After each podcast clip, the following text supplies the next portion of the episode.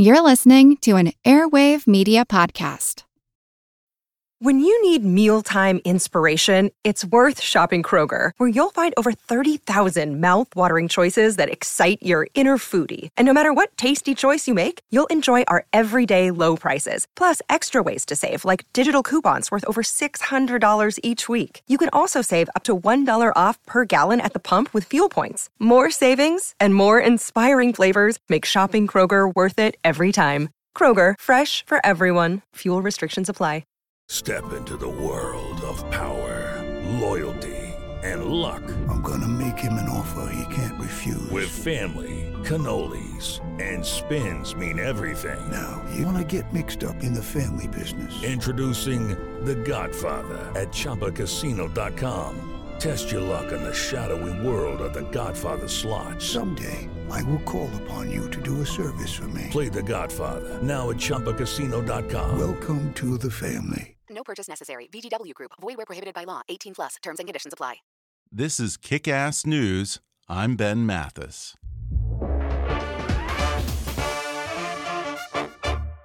Hi, folks. Just a quick announcement. I'm trying to grow our listenership, so I hope you'll share Kick Ass News with two of your friends this week, or better yet, share it with all of your friends on your social media.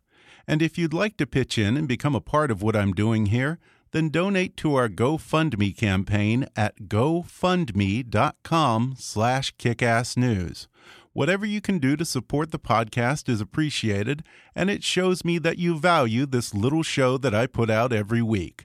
Thanks for listening, and now enjoy the podcast. Hi there, I'm Ben Mathis, and welcome to Kick Ass News. Well, it's almost over, folks, and I don't know about you, but I can't wait to put the election from hell behind me. I know you're sick of hearing me talk about Donald Trump, and believe me, I'm sick of talking about him.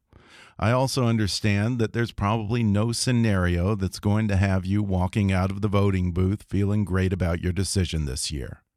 Look, I would have supported any other Republican candidate against Hillary Clinton. But Donald Trump's ignorance, dishonesty, and corruption exceeds anything that I've come to accept as tolerable flaws in a politician. So please, before you go vote today, indulge me one last time. Helping me make my case, you'll hear from a number of past guests of the show, including Bill Kristol, editor of the Weekly Standard, Pulitzer Prize winning New York Times journalist David Cay Johnston, former CIA and NSA Director General Michael Hayden, Stuart Stevens, chief strategist for Mitt Romney's 2012 presidential campaign, Jonah Goldberg, senior editor at National Review, CNN global contributor Parag Khanna, Jacob Weisberg, editor in chief of Slate Magazine, General Wesley Clark, and former Mexican President Vicente Fox in this, my closing argument against Donald Trump. Coming up in just a moment.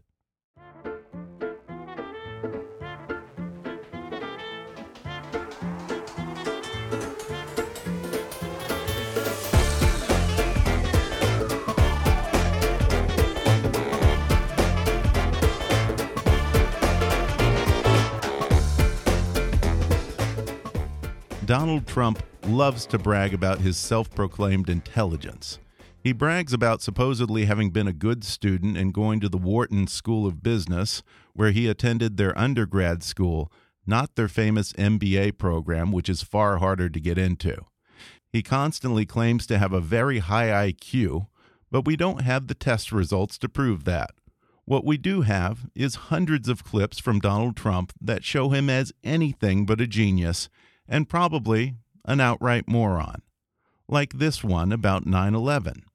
And it's very close to my heart because I was down there and I watch our police and our firemen down on 7 Eleven, down at the World Trade Center right after it came down. Or this interview with Hugh Hewitt. Are you familiar with General Soleimani? Yes. I, uh, go ahead. Give me a little. Go ahead. Tell me. It- well, he runs the Quds forces. Yes. Okay. Right. Do, do you And expect I his think the Kurds, behavior? by the way, have been horribly mistreated by us. I no, think no, not the Kurds. Kurds. The, the, the Quds forces, the Iranian Revolutionary Guards Quds Yes. forces, the bad Yes. guys. Or here once more with Hugh Hewitt as he describes his beloved border wall. It would be tall. It would be powerful. We would make it very good looking. It would be as good as a wall is going to be. And people will not be climbing over that wall, believe me. Go ahead. And talks about his own daughter. I don't think Ivanka would do that inside the magazine, although she does have a very nice figure. I've said that if Ivanka weren't my daughter, perhaps I'd be dating her. You know? Stop it! Oh, it's so weird. At one point, he suggested that he might reduce the national debt by using his quote unquote deal making skills to get America's creditors to accept less than full payment for the nation's debt obligations. Now, that's an idiotic suggestion, which could only be made by someone who has no idea how bond markets, the U.S. Constitution, the American legal system, and the world economy work. Bill Kristol of the Weekly Standard says that Donald Trump has a complete lack of interest in serious policy. One of the most disappointing things about the Trump phenomenon is the degree to which the Tea Party was about what? Restoring constitutional government, limited yeah. government. That was really the heart of the, the debt, things like that. Trump is utterly uninterested in all that. Yeah. So Trump is really corrupted in a sense the I would say mostly healthy populism of the Tea Party, and encouraged the anger, uh, encouraged a kind of anger that doesn't care much about solutions. National Review's Jonah Goldberg agrees. He is utterly and completely, and I would argue unpatriotically, uninterested in serious ideas, save as, as sort of marketing tools you know, this is a guy who, whose daily clippings, the things he reads to get up to speed, all his staff does is type into Google News Donald Trump and then print out the findings. And he reads through all of it. He doesn't read about what's going on in Syria. He doesn't read about what's going on in Russia. The only thing he cares about in his narcissism is what people are saying about him. And he marks up the pages. The guy is unbelievably ill prepared to be president of the United States. Stuart Stevens, the former strategist to Mitt Romney's presidential campaign, sees an even larger problem in Trump's willful ignorance. He has no respect for governing, nor does he understand it. I mean, he's someone who's talking about defending Article 12 of the Constitution. There is no Article 12. I believe that one of the essential elements of being a successful president is having a, a humbleness that allows you to learn and to admit mistakes. Because the one thing we know about all presidents is they make mistakes, larger or smaller, but they all make mistakes. And your ability to learn from that, I think, is essential. Um, Trump seems incapable of learning from mistakes um, because he won't admit that he was wrong. That, that ultimately, I think, is the most unfixable part of Donald Trump. But you got to give him credit for one thing Donald Trump's a man who knows his audience. We won with poorly educated. I love the poorly educated. We're the smartest people, we're the most loyal people. And then there's the long list of Donald Trump's favorite conspiracy theories, like this nonsense. If the state of Hawaii says this is official, he was born in Hawaii on this date, here it is, why do you deny that? A lot of people do not think it was an authentic certificate. How can you say that if the if you won't report it, Wolf? But many people do not think it was authentic. His mother was not in the hospital. There were many other things that came out. And frankly, if you would report it accurately, I think you'd probably get better ratings than you're getting, which are pretty small. He's also fueled conspiracy theories about the death of Vince Foster, vaccinations causing autism, and 9 11 being an inside job. He suggested that Ted Cruz's father was somehow involved in the Kennedy assassination. He still refuses to accept that the Central Park Five were exonerated by DNA evidence and the confession of the real killer. He says global warming was made up by the Chinese, and he suggested that Senators Marco Rubio and Ted Cruz were ineligible to run for president. And the recklessness with which he fuels conspiracy theories and ignorance speak to the man's character. Here's Jonah Goldberg again from National Review. We can have a debate about what we mean by character, but we can talk about business character. He rips off people. You can talk about personal sexual character. You can talk about religious character. I mean, I'm open to different debates about what we should mean about character in our public life. It's a perfectly valid thing to argue about but I've yet to come up with a definition of character that he doesn't fall short of. Character matters. Pulitzer Prize winning journalist David Cay Johnston, who's been following Trump his whole life, says if you want to know Donald Trump's character, judge him by the company he keeps. You know, the question that voters should be asking is first of all, do you want someone in the White House who has sought mercy for a major drug trafficker? Donald Trump desperately needed Joey Weichselbaum, the drug trafficker, to be his friend and not his enemy. He needed it so much he was willing to risk his casino license to be Joey Weichselbaum's friend. Donald has repeatedly embraced con artists, swindlers, uh, mafia family leaders in New York, uh, corrupt union leaders, uh, reputed Russian mobsters. I can put Donald together with uh, people who were accused of, of being essentially organized crime figures uh, seven years ago um, uh, in the same room. Um, Wayne Barrett, in his book about Trump in 1992, uh, asserted and had multiple witnesses that Donald had met personally with Fat Tony Salerno, the head of the Gambinos. In more recent years, Donald has had a business partner, uh, a senior advisor, according to his business card, and a guy with an, uh, an office inside the suite of Trump Organization offices named Felix Sater. And uh, he and Donald traveled all over together. Felix Sater is the son of the reputed Russian mob boss in New York City. He is a convicted violent felon. He is admitted to running a $40 million stock swindle on behalf of four of the five mafia families in New York City. What all of those together tell you is that uh, Donald needs also for them to be loyal to him because they've engaged in conduct of one kind or another that could cause him other problems. Johnston also says it's not just the people around Donald Trump. Donald Trump is an outright con artist. Trump has a great business skill. It is, by his own account, his ability to borrow money that he knows he's not going to pay back. He himself has said, I've done this and I've made, done very well by it. And secondly, it's getting other people to do work for him that he doesn't pay them for. That's why there are more than 4,000 lawsuits against him. I, I call Donald a con artist, and, and I recognized within a few weeks of meeting him, he's basically a con artist. The day that I met Donald in uh, June of 1988, I sized him up right away as, as our P.T. Barnum, you know, selling you tickets to the Fiji Mermaid. But then when I started asking about him, because he was the most important figure in Atlantic City, his competitors, Steve Wynn, um, executives of other casinos, some gamblers I met, and his own people began telling me Donald doesn't know anything about the casino business. So I said something to Donald the next time we met about craps, and I said something that wasn't true. And Donald immediately incorporated that into his answer. So I had several other questions where I fed him false information, and he incorporated them into the answers which told me that they were right. He didn't know anything, but secondly, he was doing what, you know, the psychics advertised on daytime TV do and what swindlers and con artists do. He was telling you what he thought you wanted to hear. And let's not forget perhaps his most public swindle, Trump University.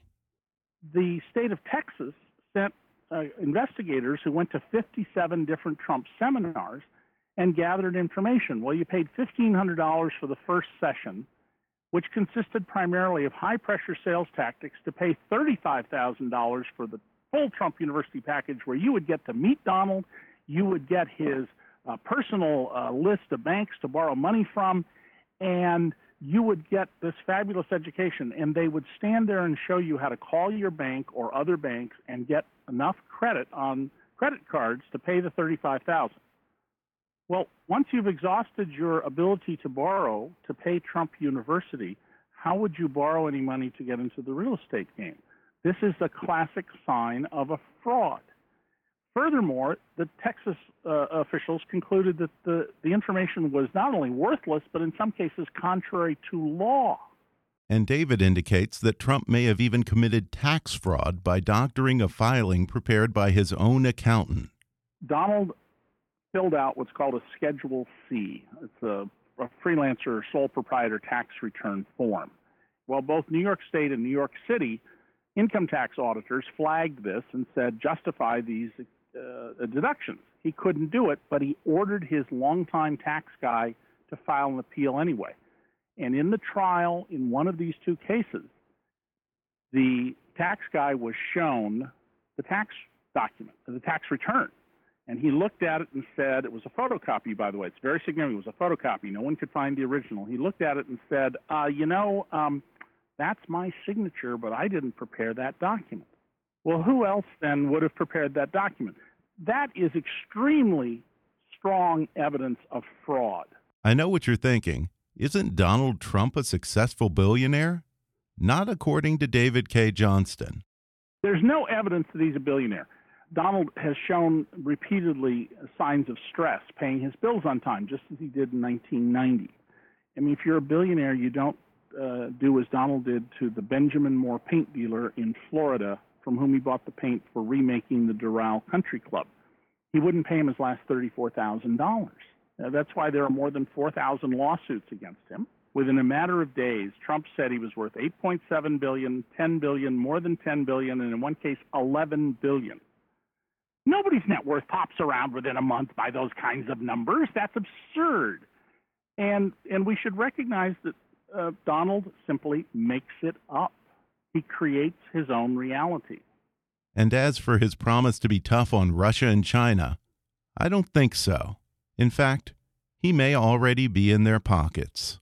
Donald has associations with Russian oligarchs that go beyond the ones previously known, um, ones that raise questions about whether he was a participant in a quarter billion dollar tax fraud. He's currently just a witness in this alleged tax fraud, but he wrote a letter that was necessary for the tax alleged tax fraud to take place. And we now know, thanks to some really diligent reporting by Suzanne Craig at the New York Times, that um, one of Donald's entities has borrowed money from uh, Bank of China, which is owned by the Chinese Communist government. I mean, we've never had a president of the United States who gets money from the oligarchs in Russia and is involved in a loan from the communist government in Beijing. And remember, Donald Trump's always running down China saying it's damaging our country. Is it any wonder that Vladimir Putin has all but publicly endorsed Donald Trump when Trump doesn't even seem to know what Russia's up to? Here he is talking about Russia and Ukraine. Why did you soften the GOP platform on Ukraine? Uh, I wasn't involved in that. Honestly, Your I was not were. involved. Yeah, I was not involved in that. I'd like to. Uh, uh, I'd have to take a look at it, but I was not involved. Do you know what that. they did? They softened it. I heard, but I was not involved. They took away the part of the platform calling for provision of lethal weapons to Ukraine to defend themselves. Why is that a good idea? Uh, it's look, uh, you know, I have my own ideas. He's not going into Ukraine, okay? Just so you understand, he's not going to go into Ukraine. All right, you can mark it down, you can put it down, you can take it anywhere he's already you want. there, isn't he? Okay, well, he's there in a certain way, but I'm not there. You have Obama there. And just listen to the way he tries to weasel out of this question about the leaders of various terrorist groups.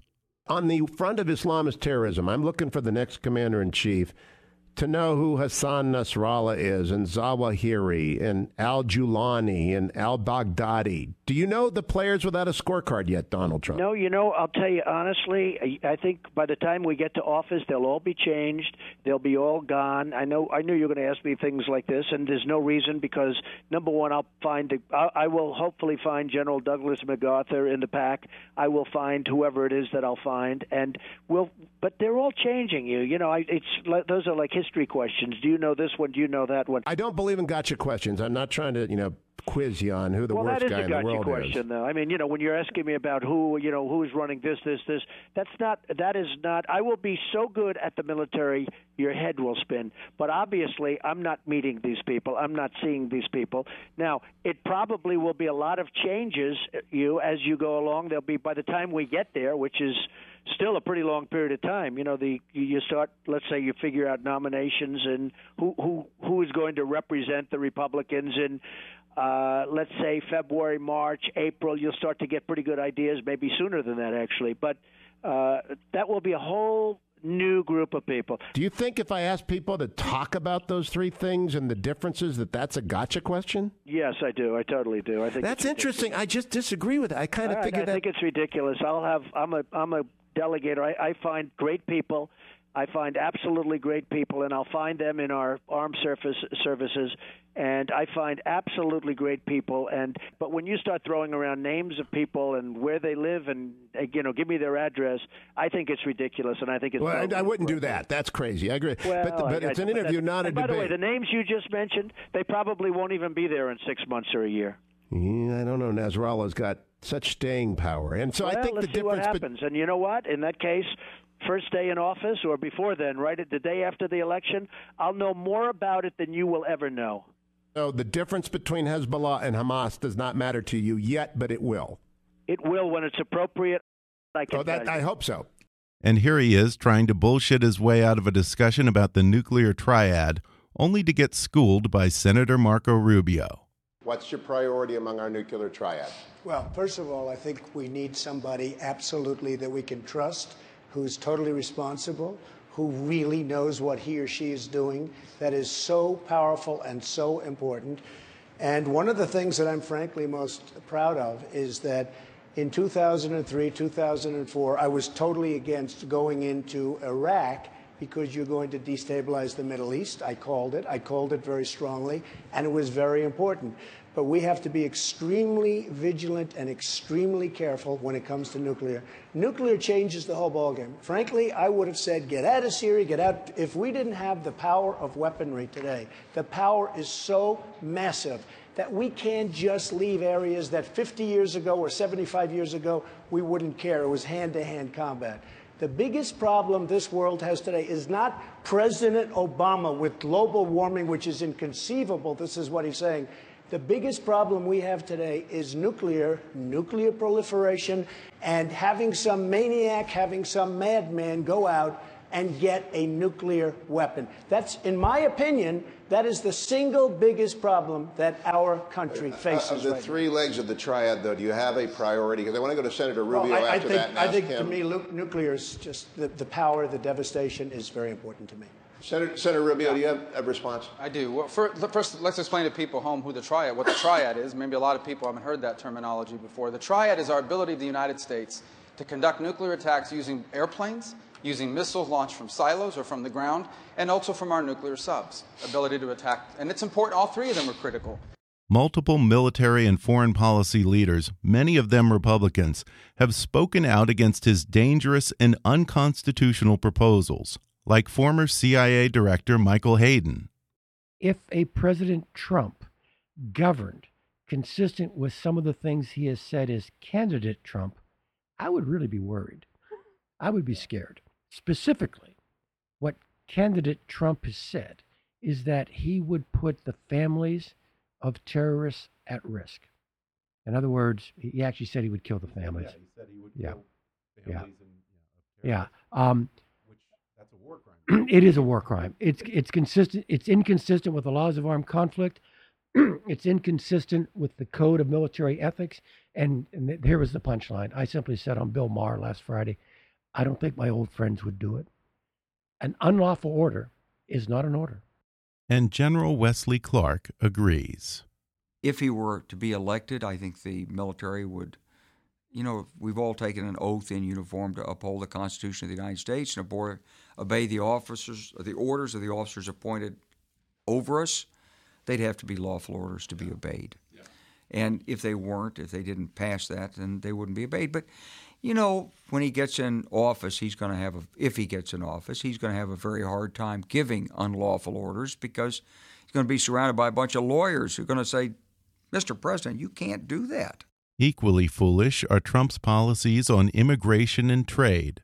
Just ask CNN global contributor and best selling author of Connectography, Parag Khanna.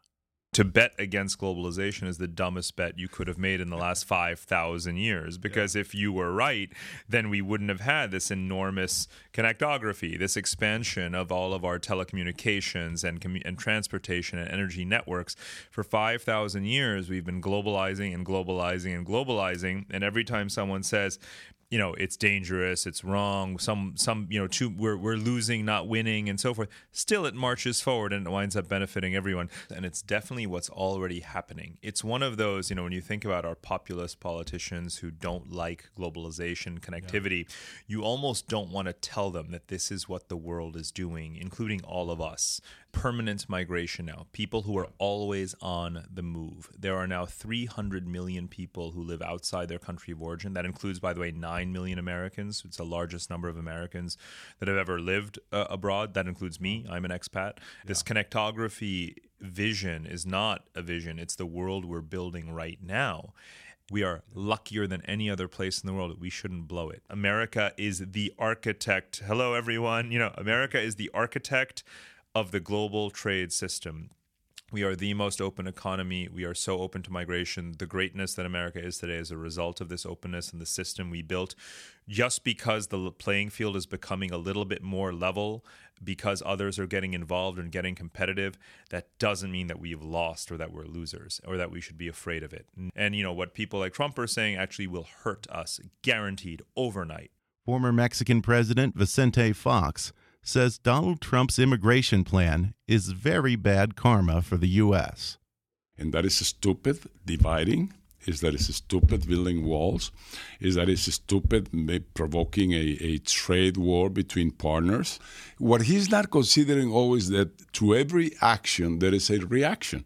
What about if Mexico says, okay, okay, you're going to uh, control remittances of Mexicans to Mexico. Okay, we're going to control remittances of all U.S. global corporations in Mexico, and it's billions, literally billions of dollars that they transfer of profits to Mexico.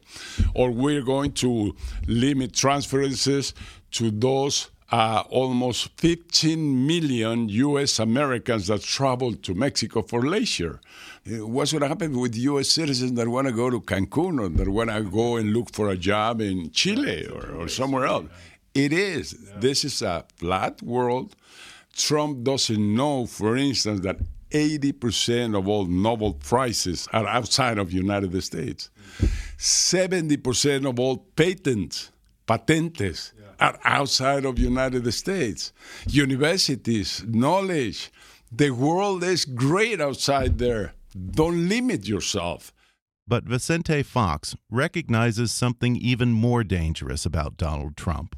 He's a false prophet, is what we saw in Latin America throughout the 20th century. The Hugo Chavezes, the Evo Moraleses, mm-hmm. the so many populists and demagogues that we had in Latin America, the Perons, Evita, right. the Kirchners today, that destroy economies. But people believe in him because they, they tell them, look, I'm going to get you the job, I'm going to increase your income, I'm going to solve your problems. Slate.com editor Jacob Weisberg agrees that Trump has certain authoritarian characteristics that are very disturbing.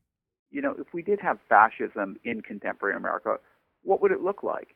And I think it would involve some of these elements like restricting the press, admiring other authoritarian leaders like Putin, um, you know, worshiping the strength and force, contempt for weakness, um, expressions of violence at, at rallies and public events.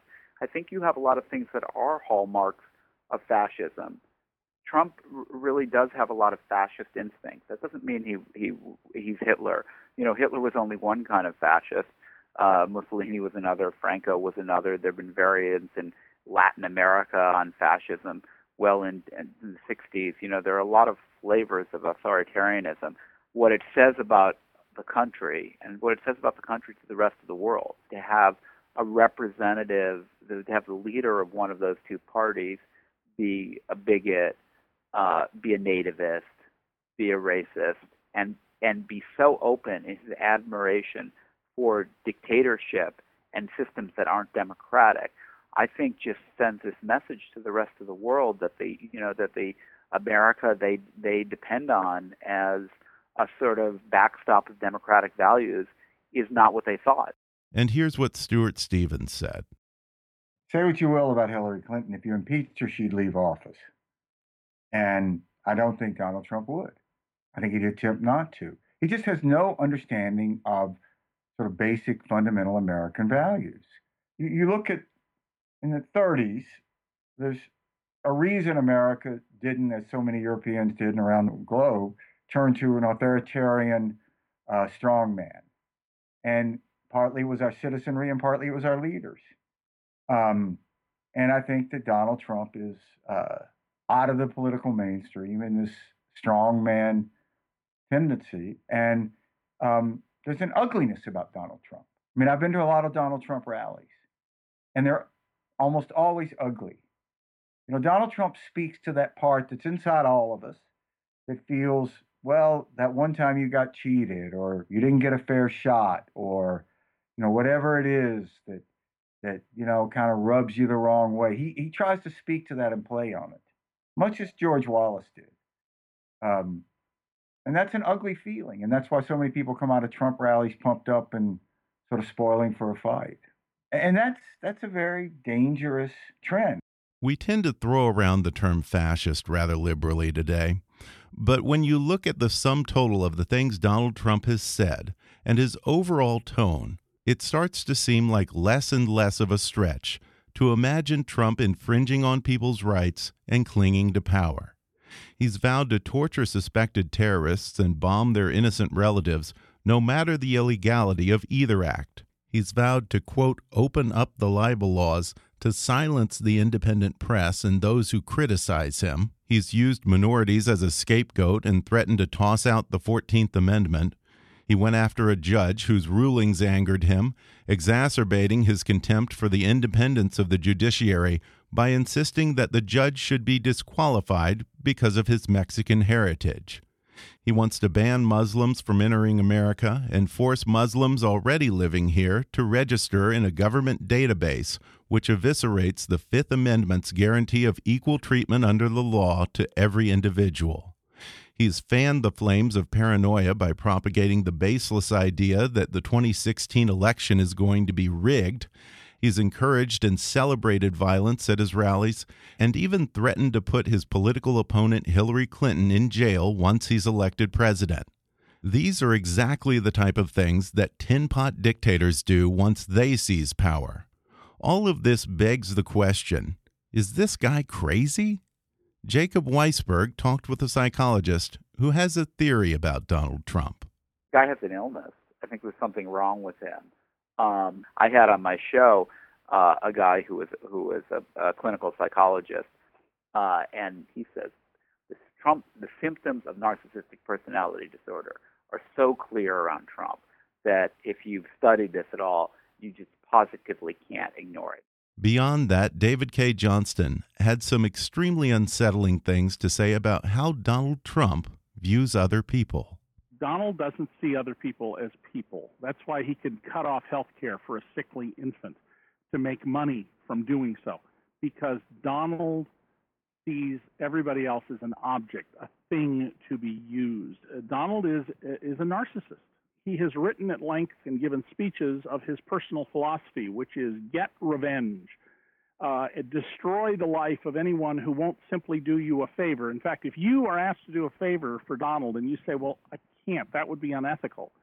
He will go out of his way to make your life miserable. And he writes about how much pleasure he got from seeing a woman who wouldn't do him a favor lose her husband and then her business failed and she lost her home and it made him happier and happier and happier. And he has no moral core of any kind. He has no moral compass uh, like the rest of us do. And he's not a happy human being. I mean be glad you're not donald trump. He is he will never have contentment or real joy in his life, and and that's sad. That's that's sad.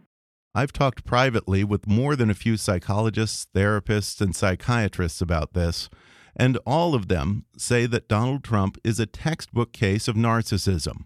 But many have also diagnosed him as having antisocial personality disorder. In other words, a sociopath. But whatever label you want to put on it, there's clearly something very wrong with this man. No one really knows why Donald Trump is the way he is, but as I listened to Stuart Stevens describe him, I almost felt sorry for the man. We, tend to look at a lot of people, it's very human instinct, look at Donald Trump and say, okay, I am going to give this person the benefit of the doubt of being a normal person. He's not. You know, he's just a badly damaged person. I have no idea what happened to him, but something unfortunate. He really doesn't have any friends. He has this weird little world of people that he pays to praise him. It, it, you know, with Donald Trump, it, there are two approaches either defiance or submission. And he humiliates anyone who supports him. And because once you've submitted to Donald Trump, he doesn't respect you. This is not someone that you'd want to sit next to flying across the country, much less hand the nuclear codes to. Again, this is not an endorsement of Hillary Clinton. This is more of an anti endorsement of Donald Trump. And like I said at the beginning, I can't imagine that there are very many people who are going to be walking away from the ballot box feeling good about their decision today. The choices suck. As much as ever, you're picking the lesser of two evils. But there's evil, and then there's really evil. I'm talking genuine maliciousness, vengefulness, and contempt for one's fellow man. And when you throw in stupid plus crazy on top of that, well, you do the math. I've always said I want my president to be smart, honest, and most importantly, sane. I don't think those are unreasonable requests. But sadly, this year, every candidate's lacking. Hillary, by any measure, simply isn't honest with the American people. But I think she's smart, or at least smart enough, and she appears to be pretty sane and grounded. And let's be honest, maintaining one's sanity with a husband like Bill probably isn't easy. I briefly kicked the tires on Gary Johnson this year. He's probably the most honest of the candidates, and he seems to be a man of at least mid level intelligence. But you get the sense from that look in his eyes, his permanent bedhead, and some of the things he's said that there's something not quite right about the guy. And that takes me back to Donald Trump. The problem with Trump is that he doesn't even come close to filling one of my three requirements. By no measure is Donald Trump a smart man. Worse, he's willfully ignorant. He stubbornly refuses to educate himself on the issues and hit the books in preparation for the most powerful job in the world. He gives credence to wild conspiracy theories and uses his position in the media to spread blatant misinformation. And I'm sorry, but if you're either too racist or too stupid to know to disavow support from David Duke and the KKK, you have no business being my president. Secondly, I want my president to be honest. He's not. He's just not. Most politicians learn to lie. Trump was born lying. Nothing comes more naturally to him. It's pathological, and what's worse, he even seems to get off on it. This is a man who has deliberately screwed so many people over the years, from thousands of hardworking contractors and the suckers who signed up for Trump University to the investors in his businesses and the people who bought condos that were never built. He refuses to release his taxes, unlike Hillary and every candidate who's run for president in the modern age. He clearly doesn't want us to know the truth and he thinks if he keeps talking, we'll forget what the question was.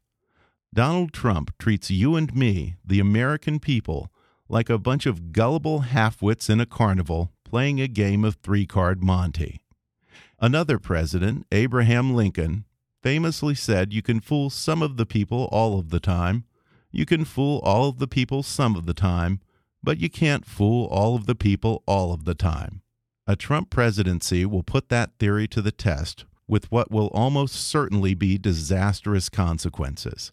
He's a bullshitter and a con man. He's been one his whole life, and he ain't going to stop just because he likes the view from the Oval Office.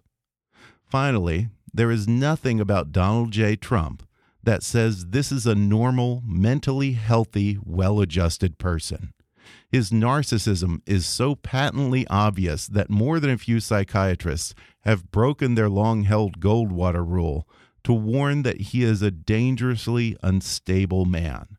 His pettiness and his maliciousness, his uncontrollable misogyny and sense of entitlement to all women, the creepiness when he talks about underage girls and even his own daughter, and lest we forget, there's currently a lawsuit against him for rape of a minor his punching down at people who can't fight back and bullying those who have done him no harm, the way he brags about the people he steps on to get to the top, the glee with which he seeks revenge and delights in hurting other human beings, his total lack of empathy for those he's ripped off, those he's abused, and the lives he's destroyed. All of it fits the textbook definition of a sociopath and a man who behaves so erratically, with such violent mood swings, who sits up at 3 a.m. revenge tweeting people who shouldn't even be on his radar, is the last person who should have the codes to the nuclear football. Anyone else on the ballot is the lesser evil when held alongside Donald Trump, even Hillary. I don't even think that I possess the imagination to think of a name that I could write in who would be a greater evil than Donald Trump. We survived eight years of Bill Clinton. We can survive four years of Hillary. At the very least, she'll be an improvement on Obama. And let's be honest, she lacks the initiative and charisma of Obama, so it's unlikely that she'll be able to get much done, especially if Republicans hang on to Congress and the Senate. But a supplicant Republican House and Senate at the mercy of a President Donald Trump could be very dangerous. And for those who worry about judicial appointments, I'm sorry, but there are bigger things at stake than the Supreme Court.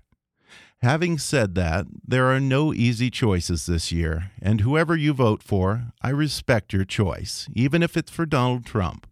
And I salute you for doing the patriotic thing and having the courage to go to the polls and make the hard decision instead of sitting at home this election.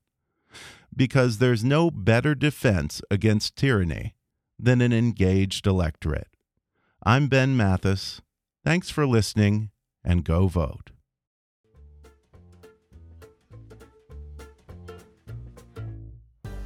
Thanks again to my guests on the show today.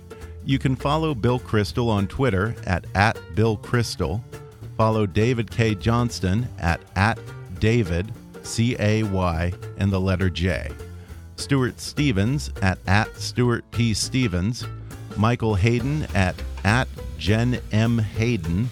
That's G E N M. Hayden. Jonah Goldberg at Jonah NRO.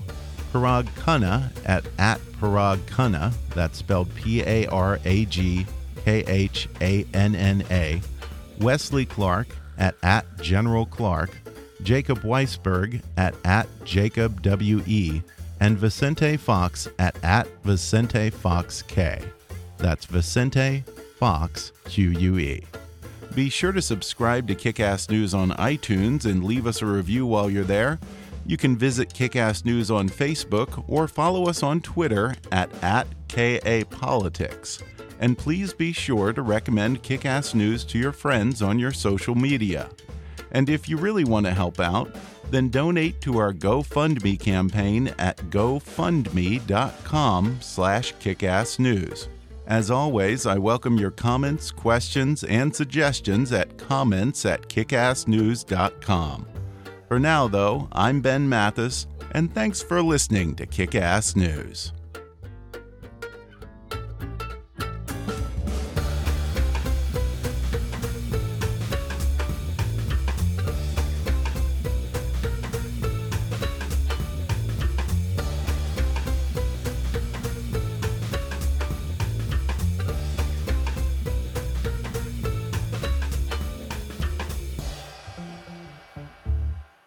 Kickass News is a trademark of Mathis Entertainment, Inc.